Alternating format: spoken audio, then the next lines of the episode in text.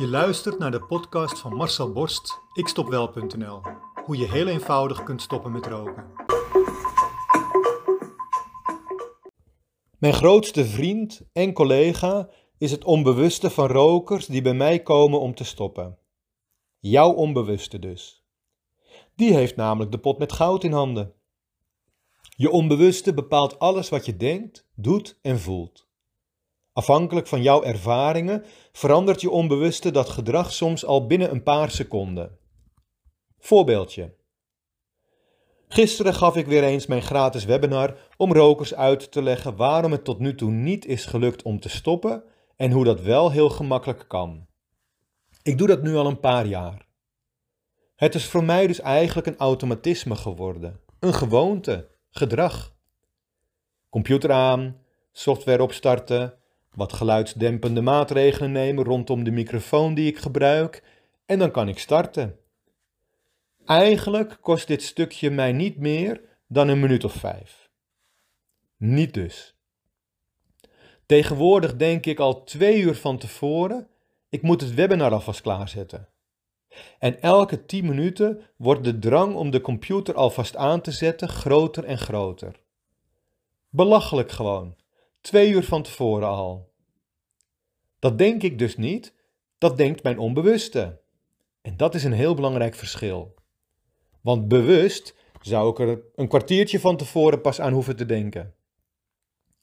Waarom denkt mijn onbewuste dan al twee uur van tevoren aan het webinar? Waarom geeft hij mij op dat moment al die gedachte en die behoefte om het webinar klaar te zetten? Ik leg het uit. Toen ik twee jaar terug mijn allereerste webinar deed, had ik nog een heel oud webcammetje. Hij deed het prima, ondanks zijn al ver overbejaarde leeftijd. Bij mijn tweede webinar bleek opeens een kwartier voor de start dat hij was overleden. Geen beeld. Hij deed geen pukkel meer. Geen geluid. Alles was fout. Paniek. Straks zouden er honderden rokers komen kijken naar slides zonder mij in beeld en zonder mijn geluid. Nog meer paniek. Niet een beetje, volle bak paniek in mijn hoofd.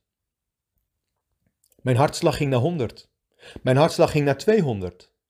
Mijn onbewuste spoot een voorraad stresshormoon mijn lichaam in, waar de Victoria-watervallen bij droogvallen. Ik ren dus naar de buurman, waarvan ik heel toevallig weet dat hij ook een webcammetje heeft. Hij had er nog eentje in reserve liggen. En tien minuten later is hij volledig geïnstalleerd. Mijn hartslag zakt naar 180. Ik pies nog even snel het Victoria-meer uit mijn lichaam en hoop dat hij het nu wel goed gaat doen. Een paar minuten later deed ik mijn webinar voor halfrokend Nederland. Het werd mijn slechtste webinar ooit. Deze stress, die paniek, daar houdt het onbewuste niet van. Dat wil hij het liefste voorkomen. Mijn onbewuste heeft op dat moment dus geleerd en gaat daar maatregelen op nemen. Sindsdien zegt hij tegen mij, dikke twee uur van tevoren, strakjes heb je het webinar. Zet de boel maar alvast aan. Ga maar eventjes controleren of alles werkt. Wat dus ook vijf minuten voor aanvang nog kan.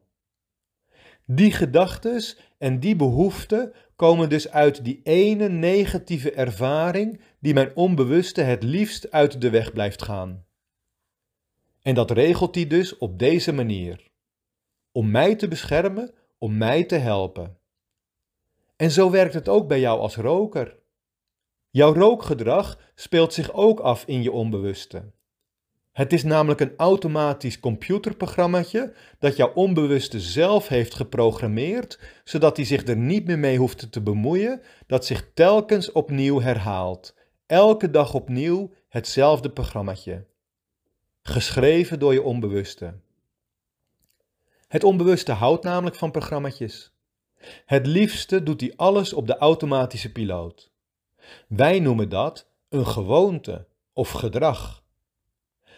Maar waar hij een programmaatje van maakt, kan hij ook een programmaatje wijzigen, toch? Kijk, en daarom is jouw onbewuste dus mijn vriend. Het onbewuste is helaas wel gek op programma's maken, maar niet zo op programma's veranderen. Daar heeft hij een bloedhekel aan. Daar heeft hij toch echt wel een coleren bloedhekel aan. Niet te kort gewoon. Dat stelt hij het liefste continu uit. En daarom is het voor jou zo moeilijk om met wilskracht te stoppen met roken. Want jouw onbewuste gaat het programma gewoon niet aanpassen. Die denkt: zoek het maar lekker zelf uit. Hij probeert uit alle macht alles te doen om het programma gewoon door te laten draaien, zoals het ooit was bedoeld. Want het werkt al jaren prima, dus waarom zou hij dat veranderen? Het is dus heel moeilijk om bewust jouw rookgedrag, de gewoonte, te veranderen. Daarom lukt het op wilskracht maar bij 6% van de rokers om langer dan een jaar te stoppen. Jouw onbewuste is gewoon veel sterker. De werking van het onbewuste is voor de meeste mensen een gegeven. Voor mij is het een bron van verwondering en een levenslange passie. Want als je eenmaal doorhebt hoe het werkt, hoe jouw onbewuste een automatisch programmaatje maakt, die ervoor zorgt dat jij elke keer weer een sigaretje opsteekt op vaste momenten in vaste situaties, dan kun je het onbewuste ook verleiden om iets anders te doen, om een ander programmaatje te schrijven. Bijvoorbeeld een programmaatje met de gewoonte dat jij een niet-roker bent. Weg is je gedachte en behoefte aan een sigaret. Zo simpel kan het zijn. Nu heeft je onbewuste één hele grote karaktereigenschap. Hij houdt niet van pijn. Alles wat maar even een beetje pijn kan doen, gaat jouw onbewuste uit de weg. Dan heb ik het niet over fysieke pijn, maar over frustratie, boosheid, irritatie, teleurstelling, stress. Dat wil hij gewoon niet voelen. Daarom denk ik nu dus al twee uur van tevoren aan het klaarzetten van mijn webinar. Om te voorkomen dat het op het laatste moment weer fout zal gaan. Als je onbewuste een keer iets heeft meegemaakt wat niet is gelukt, dan kent het de frustratie en boosheid van die mislukte poging. Zoals bij stoppen met roken. Dus wat doet jouw onbewuste dan? Die zorgt ervoor dat je dat niet meer gaat doen. Dat je geen nieuwe poging meer gaat doen om te stoppen met roken. Dat je het uit gaat stellen. Hij geeft jou gedachten en behoeften om uit te stellen.